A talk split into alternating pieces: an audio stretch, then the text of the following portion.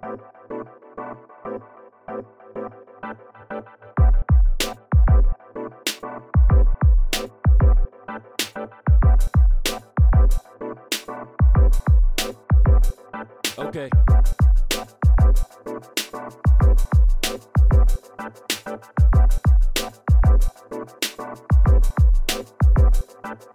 I denne episoden av Bærekraftseventyr Sveinung, skal vi starte med å ønske hverandre godt nyttår. Fordi eh, vi lever jo heldigvis i en eh, akademisk verden hvor eh, året begynner 1.8. Så du er vel fortsatt i bakrus, går jeg ut ifra? En evig bakrus sånn sett, da, med, med to, to, skolenyttår og nyttår og, og, mye annet som skal feires. Så det er jo mye å feire om dagen, Lars Jakob. Det skjer mye spennende. Det gjør det, så skjer det mye nær sagt som ikke er til å feire også, når vi kikker på verden rundt oss. Enten det er energikrise, det er flommer i Pakistan, det er stadige rekorder på klimaområdet.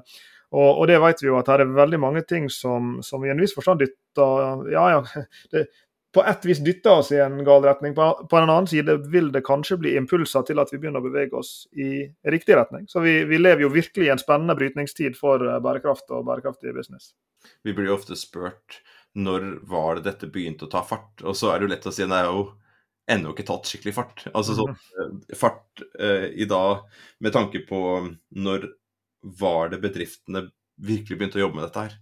Eh, og ja, det jobbes jo nå i dag mye, mye, mye mer. Eh, det forskes på eh, i, mye større grad, det har vi gleden av å være med på. Det, det er mye mer etterspørsel etter kunnskap der, med etter- og videreutdanningsprogrammer. Du sa et nytt semester. Vi har over 300 studenter nå på, på Sustainable Business Models på, på NHH. Så etterspørselen er der, og den har jo kommet, men de reelle grepene Mm. Altså de reelle globale eh, grepene, ned på organisasjonsnivå, ned på, på eh, oss som forbrukere sitt nivå, inn i myndighetene. Eh, jeg kunne ramsa opp alle de stedene hvor det trengs mer.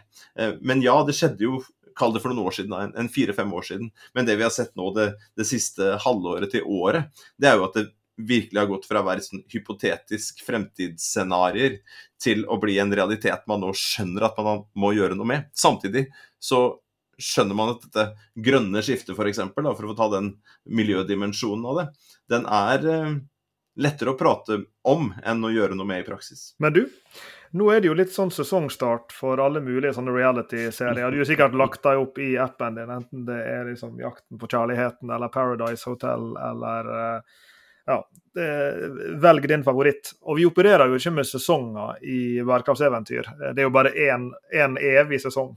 Men, men, det føles jo litt som en sånn oppstartsperiode vi er inne i nå. Og Onkel Reisende Mac-bildet som vi bruker som, som liksom eh, ledestjernen for denne serien.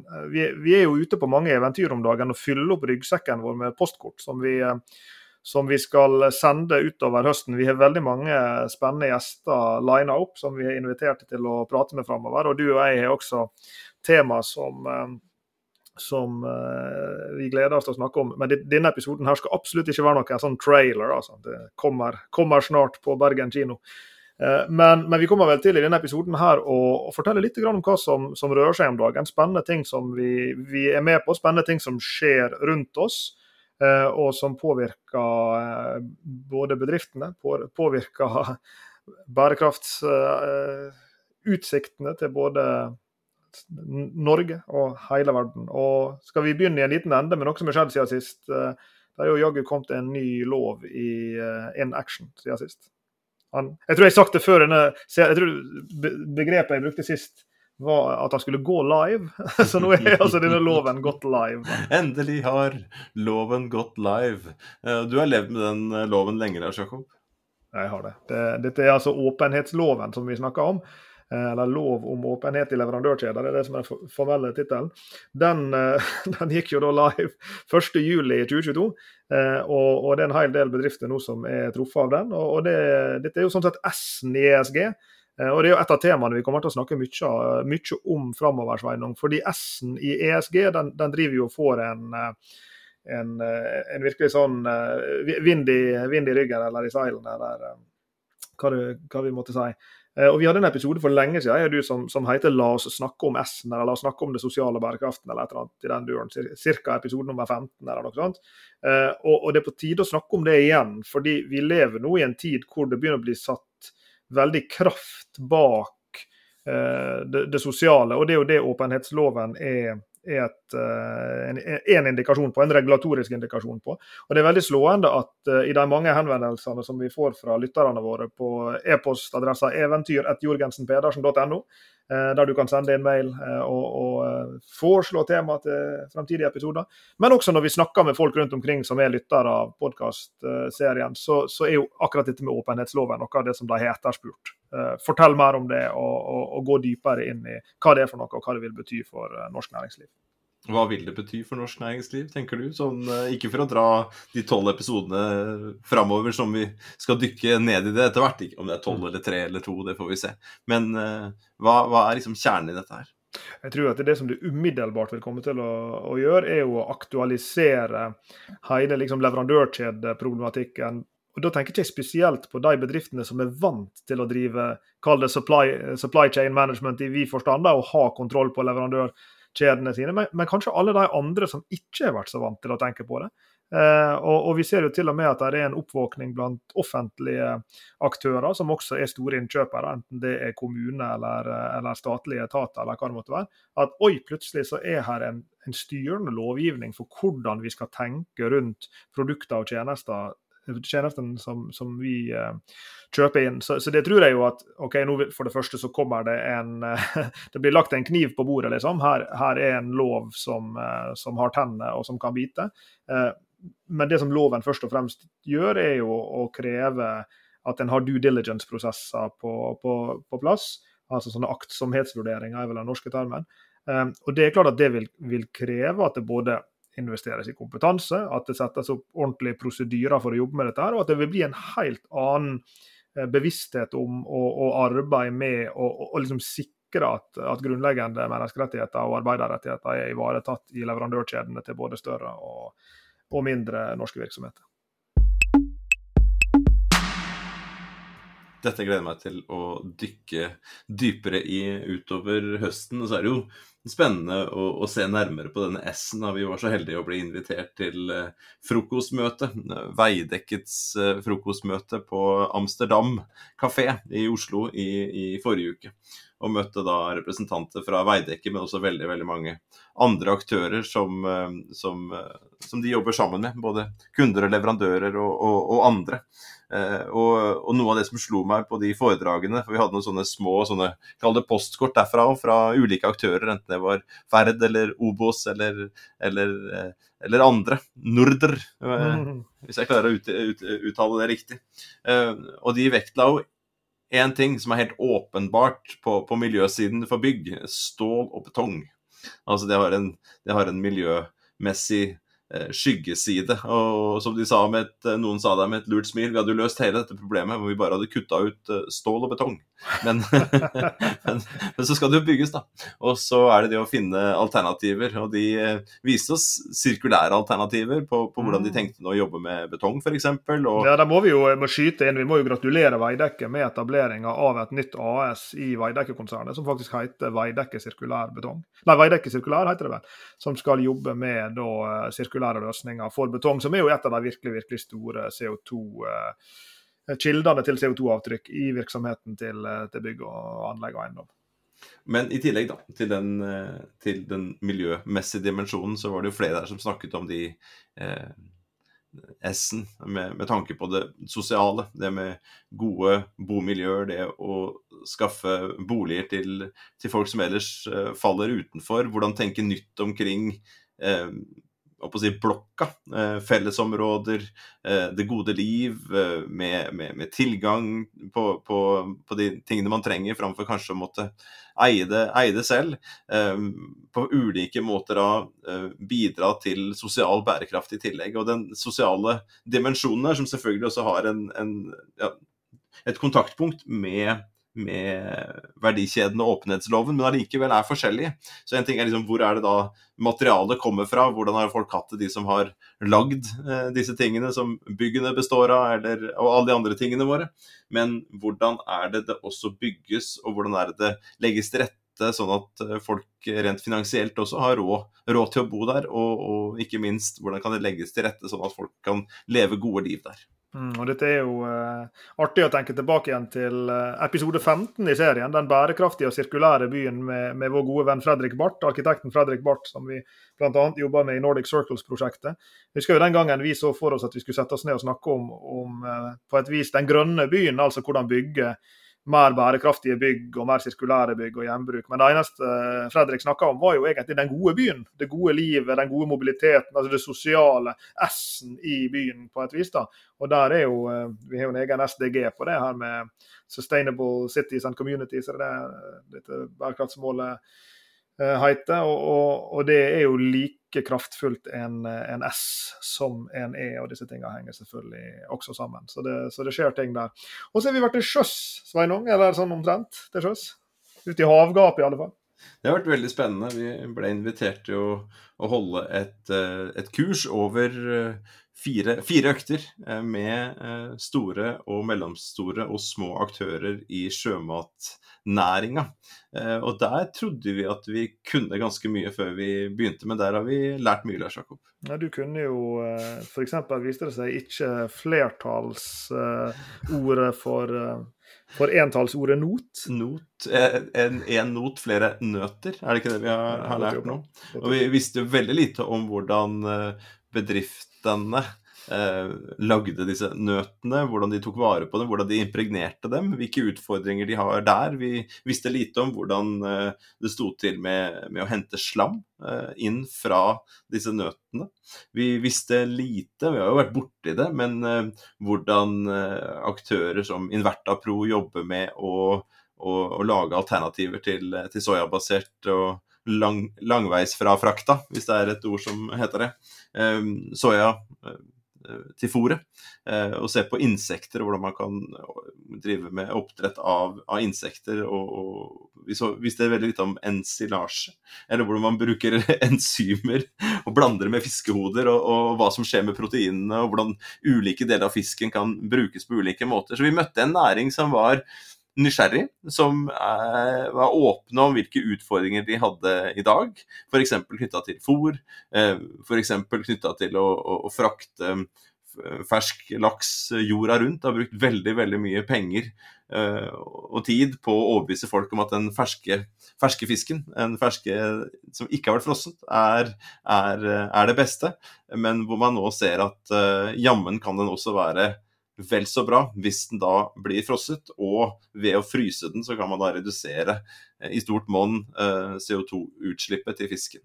Eh, vi har vært innom lakselus osv., og, så videre, og vi skal komme tilbake her og, og snakke med aktører i denne bransjen om, om, om, hva de driver med, hvilke utfordringer de har, og hva de forestiller seg framover.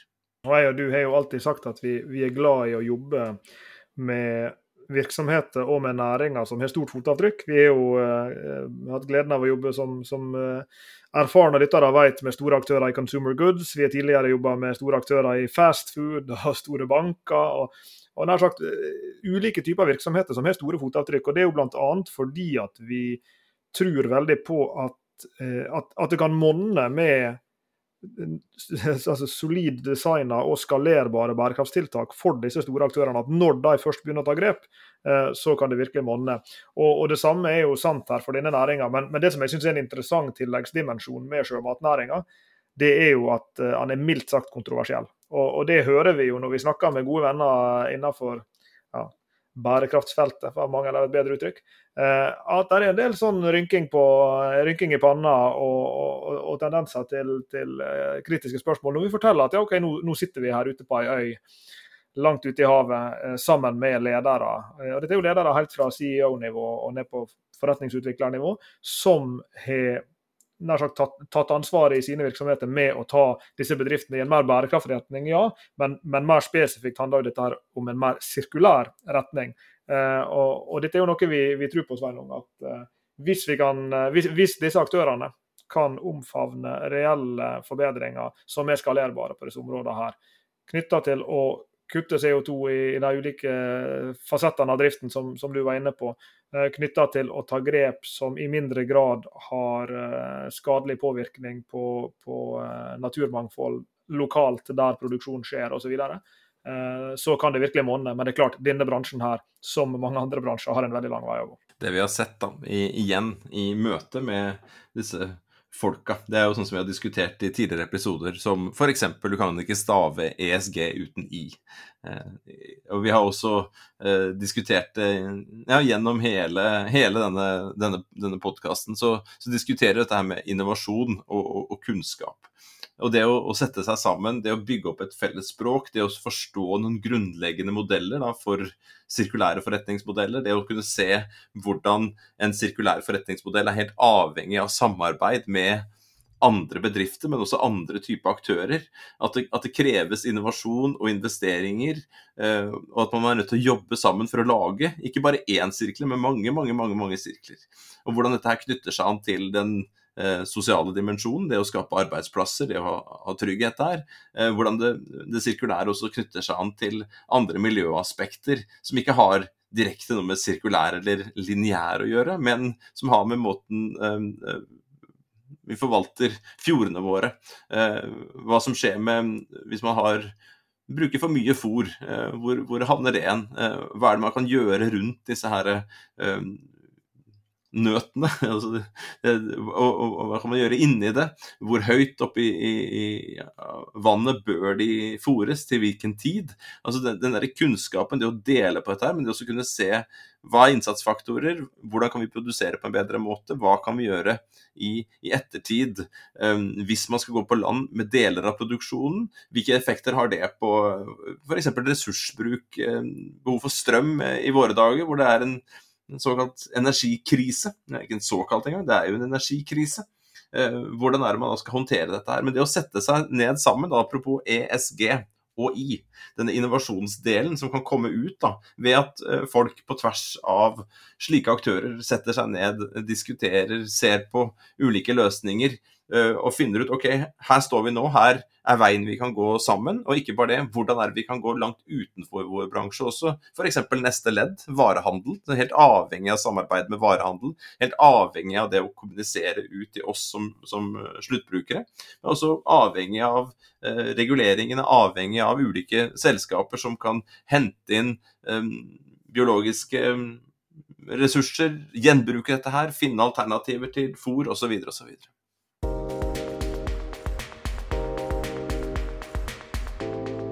Og Apropos innovasjon, Sveinung, for å ta en liten eh, Segway her, så uh, har det skjedd noe annet spennende denne uka. Det var, uh, det var frist på Kan det ha vært onsdag, da, mon tru? I dag er det altså mandag 19.9. når dette blir spilt inn.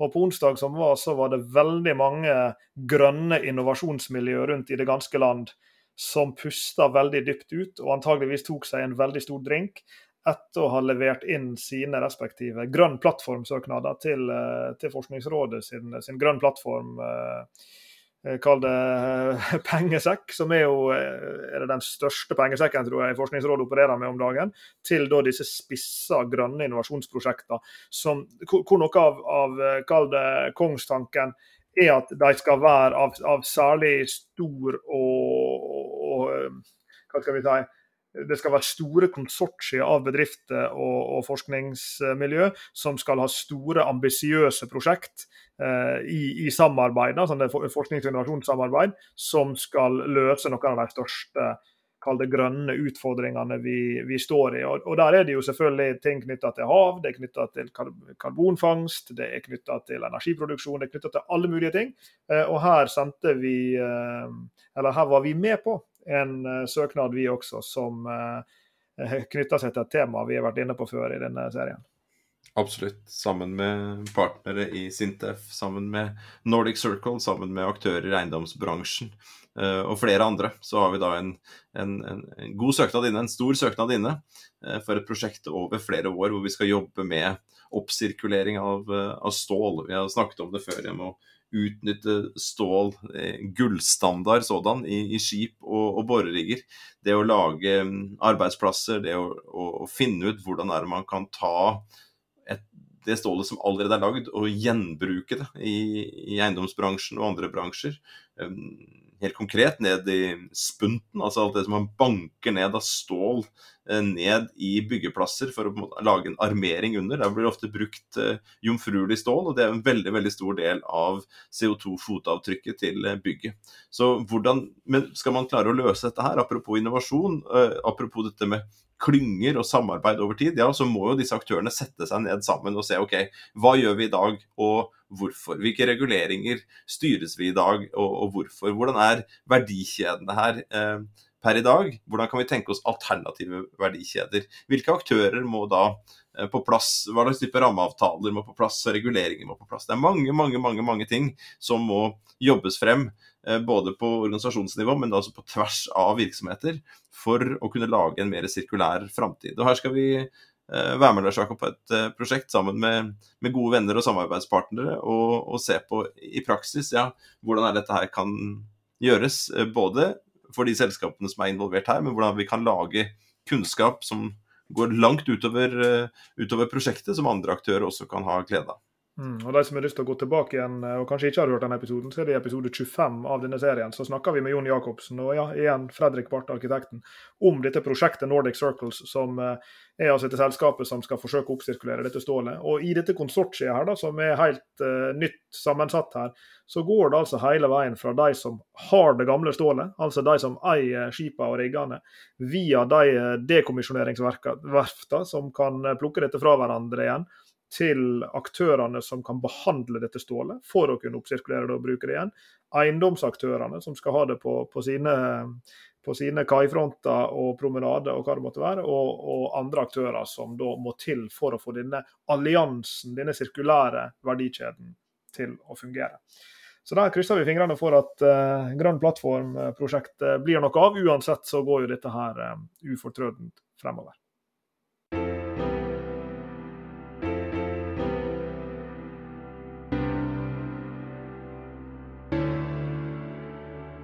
Du nevnte varehandelen, eh, Lars Jakob, og vi fikk jo gleden av å møte varehandelen nå for, for litt siden. Et, et, stort seminar om, om bærekraftig varehandel. Og Det syns jeg også er spennende. Du nevnte det apropos uh, fisken her. Noen skal selge dette her til, til, til noen der ute. Eh, man er avhengig av at de kommuniserer på en god måte. og Vi hadde et, et spennende møte i, i, forrige uke også med, med, aktører der som så på seg selv. Som selger sportsutstyr, eller som selger eh, matvarer, eller som selger uh, ja, alt, alt, det andre vi, vi, bruker i livene våre til enhver tid. Uh, og når de ser seg selv i speilet, så ser de at oi, vi også har jo et stort fotavtrykk. vi også har økonomiske utfordringer. altså Hvordan er det vi skal drive lønnsomt over tid? og hvordan er det vi skal da innovere sånn at vi både kan drive bærekraftig og lønnsomt der hvor vi er? Hvordan kan vi bidra til større grad av eh, reparasjon? Hvordan er det vi kan bidra til en tilgangsøkonomi, sånn at folk ikke bare kjøper og, har hjemme og, kaster, men hvordan er det vi kan gi tilgang til de tingene folk trenger i, i livet sitt. Og Det er også en spennende, spennende del av den store paletten her som, som uh, må til for å, å, male et uh, mer bærekraftig uh, bilde.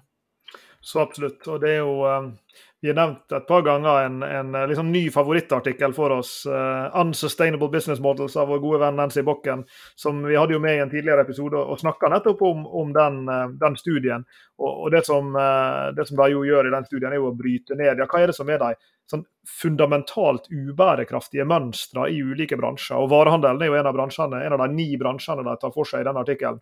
Og, Det er jo der som i mange andre bransjer, enten det er eh, consumer goods eller det er tekstil og klær, eh, så er det jo et sånt mønster som går igjen. da. Denne her ideen om det som de kaller volume over value. Altså at forretningsmodellene i så stor grad har vært basert på, på volum som driveren for verdiskaping, eh, heller enn verdi. Og Det er jo der jeg opplever at, at varehandelen nå står i en litt sånn Jeg skal ikke gå så langt, langt som å si eksistensiell krise, men i alle fall så tenker de over sin eksistens. Og dette spørsmålet om ja, hvordan er det vi skal tjene like mye penger og skape like mye verdi for kundene våre hvis det er sånn at vi kanskje skal selge færre ting, at vi skal legge til eh, rette for andre typer konsum, enten det er delingsbasert konsum eller det er reparasjon som kommer med sånne right to repair-direktiver og, og, alt det her. Her er det liksom så veldig mange ting som treffer varehandelen nå, og som stikker fingeren sin dypt inn der det gjør vondt, i den der volume over value-problemet. da som, som hele den kalde klassen av forretningsmodeller som varehandelen representerer, i alle år har vært basert på, og så plutselig så, så får de liksom både eksplisitt og implisitt på linjene og mellomlinjene beskjed om at det her må endre seg. Men hvordan? Men hvordan? Det er det som gjør dette her eh, vondt på en, på en, måte, men så er det jo også fryktelig spennende for oss som får lov til å være en, en, en del av den her, kall det bevegelsen. Og en del av den bevegelsen, Lars Jakob, en, ting som har skjedd uh, i det siste. Jeg synes du kan fortelle litt om den uh, siste samlinga med NHO Executive-studentene våre på på, på, Sustainable Business eh, Strategy. For det er for oss et sånn viktig møtepunkt med mange bransjer hvor vi har tid til å diskutere med, med deltakerne. Det kommer opp spørsmål. Eh, hvis du skulle satt ord på det, hva var liksom eh, kjernen av den samlinga? Hvis du skulle ta pulsen på, på hvordan den gjengen har det akkurat nå? Ja, dette er tydeligvis uh, den dagen hvor jeg skal peke tilbake til gamle episoder. For jeg må, jeg, jeg må, nevne episode 34 i denne serien. La oss snakke om Sustainable Business Strategy med Tore Hillestad, som er direktør på NHO Executive. Og Grunnen til at jeg nevner det, det er at vi altså nå er godt i gang med kull to på dette executive-programmet, Sustainable Business Strategy. Og det som er treffende her, er jo at uh, her er deltakere med på dette kullet, akkurat som det var det i fjor, eh, som først traff oss Sveinung, i hermetegn, i denne podkastserien. Altså de har blitt kjent med oss gjennom podkastserien, eh, der vi har fått vite om det vi driver med, og, og så blitt med på dette ettårige executive-programmet Eh, og kanskje sitter det noen lyttere her nå som, eh, som, er aktuelle for neste årskull, som starter opp i eh, hjelp meg, Sveinung, er det i mm. august-september 2023? Absolutt. Det starta en gang i året, dette programmet, enten rett før eller rett etter sommeren. Og, og vi er nå da to av fem samlinger inn i det nåværende kullet, som er en fantastisk gjeng med ledere fra nær sagt aller høyeste nivå til, til godt oppe i, i virksomhetene, og jobber i ulike bransjer. fra energi til retail, til konsulent og bank og finans og, og uh, maritim sektor og forskning osv. Så, videre. så en virkelig mangfoldig gjeng med, med topp kompetanse som kommer inn her og forsøker å få eh, enda spissere kompetanse på, på bærekraftig forretningsstrategi og, og forretningsmodeller. Og, Vi har jo hatt to samlinger så langt hvor vi har gravd oss godt ned i det som på, på vårt språk eh, Sveinung, er liksom erkjennelsesdelen av uh, bærekraftige forretningsstrategier. Altså virkelig analysere og forstå nåværende forretningsmodell og strategi og utfordringene knytta til den. Der er vesentlighetsanalyse og hele den delen av, av pakka også viktige. Og så beveger vi oss nå inn i innovasjonsdelen, i utforskdelen og testingsdelen av, av, dette. her. Og neste samling den uh, skal vi jo faktisk tilbringe ei hel uke i Berlin på prestisjehandelshøyskolen ESCP Business School i, i, Berlin, hvor vi både skal treffe forskere der nede, inkludert uh, sirkulærøkonomistjernen uh, Florian Lydecke Freund, Eh, og også mange både store bedrifter og små sirkulære aktører som er gryende stjerner på Berlin sin startup-himmel. Jeg har lyst til å legge til én ting der. For i slutten av oktober, 27. og 28. oktober 2022, så tilbyr NHO Executive, altså etter- og videreutdanningsavdelingen på NHH, et kurs som heter Bærekraftig og sirkulær eh, business bærekraftig og sirkulær business, ta en titt inne på nhh.no. Eh, Executive eh, utdanninga der. Se på kurset og meld deg på hvis du er interessert. Eventuelt si fra til eh, andre som er rundt deg, som kan, kan være interessert i å være med på et eh, par sånne dager.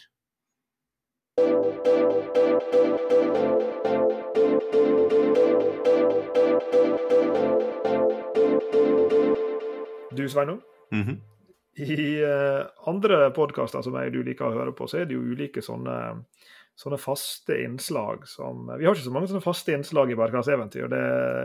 Vi, liksom, vi ramler mer på fjeset inn her, eh, og så blir det sånn som det blir. Eh, men noen podkastserier har jo sånn mailbag. At du, du, stiller spørsmål som du har fått i posten den siste uka. Og, vi får jo noen sånne. Og så er en av favoritt podkastseriene våre, When We Were Kings, som jeg tror vi har nevnt før, denne svenske fotballpodkasten som er fantastisk, som har to uh, dyktige programledere. De, de, er flinke til uh, å stille hverandre vanskelige spørsmål på direkten. Hvem var egentlig de tre første svenske spillerne som spilte for den italienske fotballklubben Palermo, f.eks.? Og så må du forsøke å svare. Var Mats, Mats Johansson. Altså, Mats Johansson var jo kjent uh, Han hadde jo både venstrebein og høyrebein.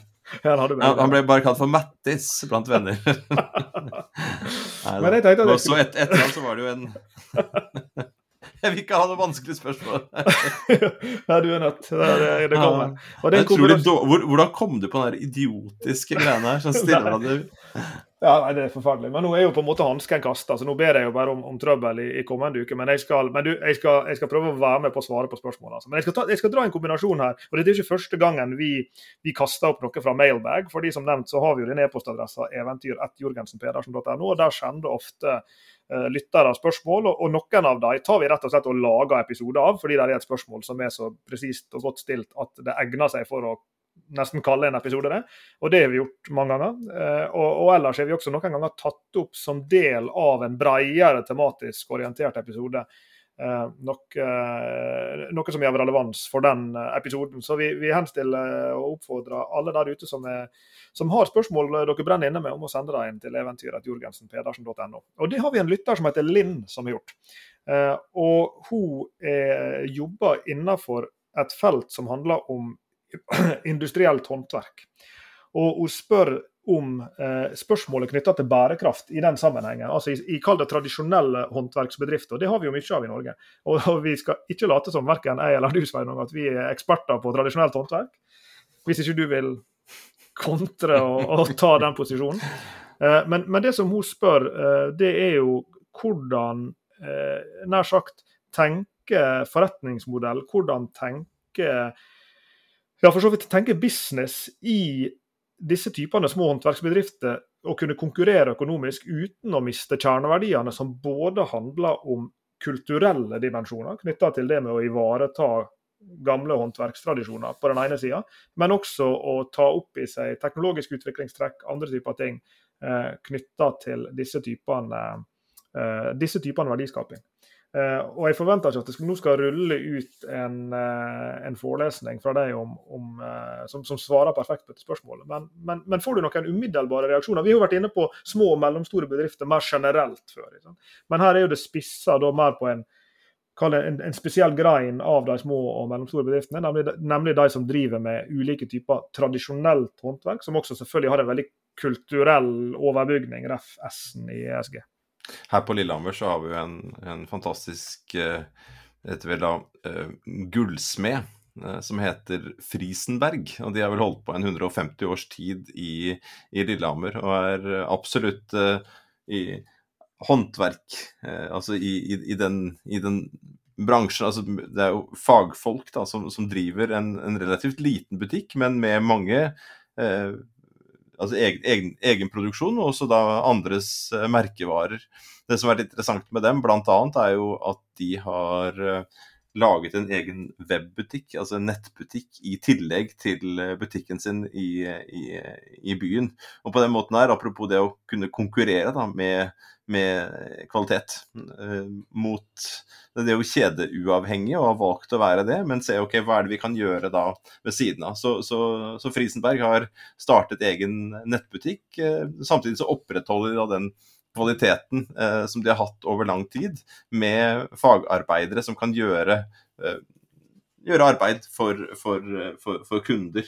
Og, og, de produktene som de selger, altså gull og sølv og diamanter, det har jo en veldig lang levetid, så kan man begynne å gå tilbake, apropos åpenhetsloven, og gå tilbake og se på hvor er det diamantene kommer fra, hvor er det gullet kommer fra, eh, og sånne ting. Så det er jo noe de jobber med, absolutt. Men så, så er det også det å opprettholde verdien i de tingene som allerede er laget. Og hos gullsmeden så kan du jo komme tilbake da, med, med få smeltet om og, og lage på nytt.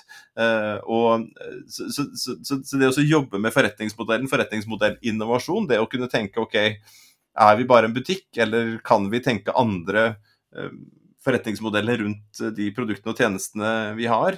Det å tenke da mest mulig kvalitet og holdbarhet, og, for det er en ganske stor og tung pedagogisk utfordring opp mot, mot kunder, og skjønne at man skal måtte betale mer, men at man også da har muligheten til å få reparert ting lokalt. Man kan gå dit og få det reparert, få ting tilpasset, få ting til å gå i arv. Eh, på tvers av generasjoner. Så jeg synes jo sånn, eh, hvis jeg skulle tatt en, nå, nå, dro jeg et eksempel som, som, som svar, da, men jeg syns jo den, den butikken på, på, Lillehammer, og den er jo absolutt mulig å gå inn på for andre også, se på nettbutikken og se på hvordan de, hvordan de eh, jobber der. Og et eksempel på hvordan ta til seg disse bærekraftsutfordringene, samtidig som man tar disse kommersielle utfordringene og, og baker det inn i nye forretningsmodeller. Ja, og du har jo, hvis jeg husker rett, kanskje denne gullsmeden det gjelder at du har har tatt til orde for eh, en forretningsmodellinnovasjon som gikk på utleie av gifteringer, hvis ikke jeg husker feil, med inkludert gamification-modell på toppen. Ja, men Det syns jeg har vært helt fantastisk. Jeg har utfordra Frisenberg på dette. her, altså Hvordan er man kunne da hatt en sånn grunnpakke hvor du fikk en ring, og så for hvert eh, så betalte man. Eh, man kunne betalt da en slags abonnementsordning på det. Og så kunne man jo oppgradert da med steiner etter hvert som man har vært gift over tid, sånn at den, den ringen ble mer og mer verdt. Og så kunne du ligget en sånn liten fallgruve der. Hvis dette her ryker, da, dette ekteskapet, så er du nødt til å, å levere tilbake. Og så mister du kanskje noe av det du har investert i, i ringen. Da. Men, eh, men eh, jeg, har ikke, jeg, har ikke dratt den her fullt ut. altså.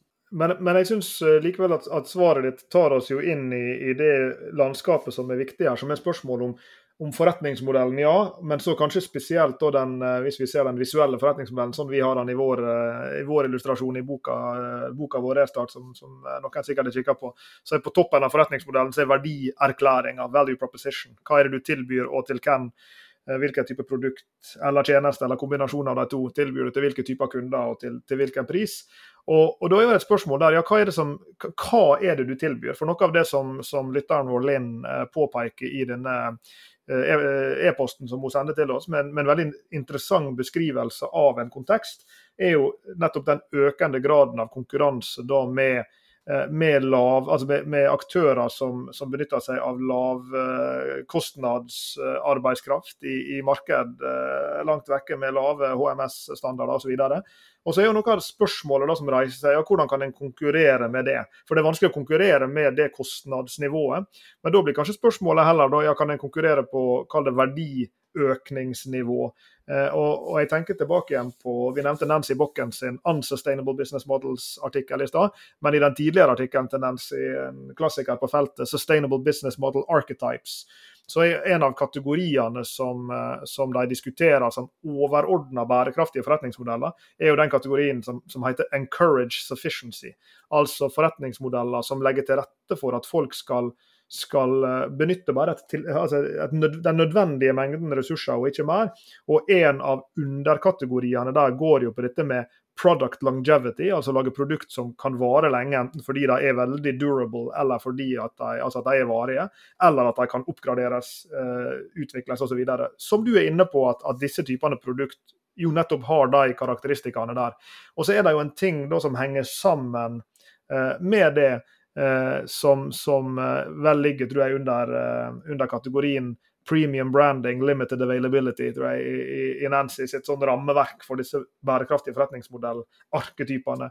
Og, og det handler jo da om å nær sagt infusere produktet med disse typene på utenlandsk ville en kalt det for intangible value, altså sånne verdier knytta til at, at her er en spesiell kulturell overbygning, det er en spesiell historikk. Det, det er knytta til et sted hvor du har kjøpt det, eller det er knytta til en spesiell lokal håndverkstradisjon osv. Og, og, vi vet jo det jo alle som prøver å, å, å lykkes med den typen kall premium branding, som skal, skal, føre til et ideelt sett et prispremium også. Da. At det er veldig krevende. Men, men så klart sånne, sånne, place of origin, altså hvor, hvor ting er produsert, hvor uh, altså, det kan være ting som er assosiert med kvalitet. Det å få fram de typene egenskaper og gjøre de, kall det, aktiverte og aktuelle for kunden i kjøpsøyeblikket det er jo helt essensielt for å lykkes med, med den typen verdiskaping og kapring, tenker jeg.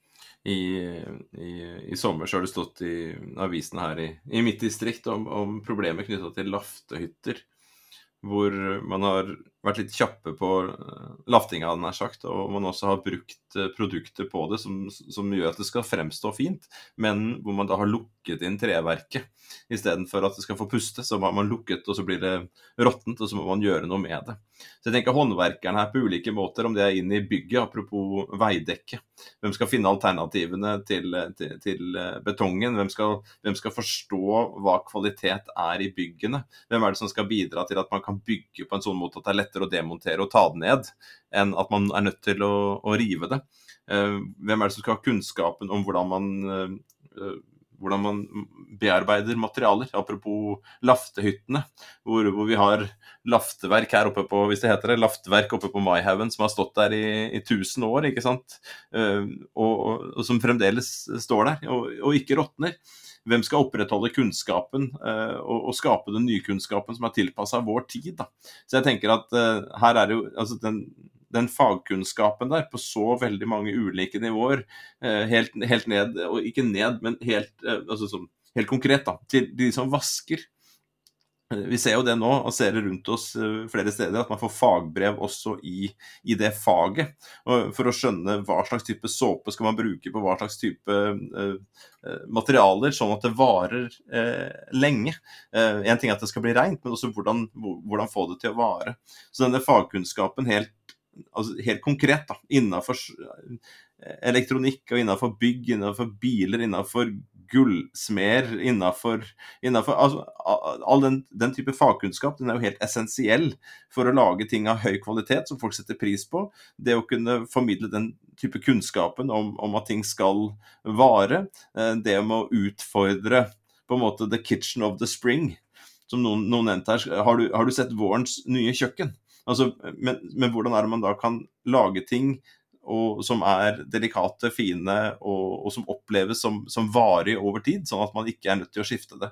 Og mister vi den fagkunnskapen eh, det er derfor jeg, jeg, vil ikke gå nedover. altså Det er bortover, eller eventuelt oppover. altså det, helt... Ja, for det handler jo også om altså både oppsirkuleringa, men generelt sirkuleringa. For som du sier, så er jo det, det er jo en sirkulær økonomisk prioritet knytta til det å få ting til å vare. Bremsinga da, i dette språket med slanke bremser og lukke.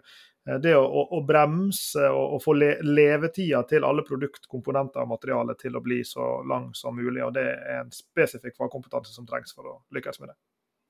Men du, tilbake til denne venstrebacken til Palermo. Mm. Nei, det er ikke sant. Eh, vi skal gå inn for landing, vi, Sveinung. For vi, eh, vi har jo jaggu dekka mye, mye landskap i, i denne episoden her. Og, og, det som vi også har gjort, er å virvle opp en del eh, støv, kaste en del baller opp i lufta som vi må plukke ned igjen. Og, og vi lover at både åpenhetsloven, at sirkulær, sirkulært havbruk og mye av det andre vi har vært inne på her, skal tas opp i episoder i denne nye, tør vi si det, sesongen av bærekraftseventyr. Nå skal vi danse! ja, og det gleder jeg meg veldig til, Sveinung. Takk for å sette i gang en samtale. I like måte. Du har hørt på Bærekraftseventyr med Jørgensen og Pedersen. Send e-post til eventyr.krøllalfa.jorgensenpedersen.no for å stille spørsmål eller komme med forslag til tema for fremtidige episoder. Og besøk jorgensenpedersen.no for mer informasjon om denne podkastserien. Okay. Derfra kan du også fortsette samtalen med oss i sosiale medier på Twitter, Facebook, LinkedIn, YouTube og andre steder.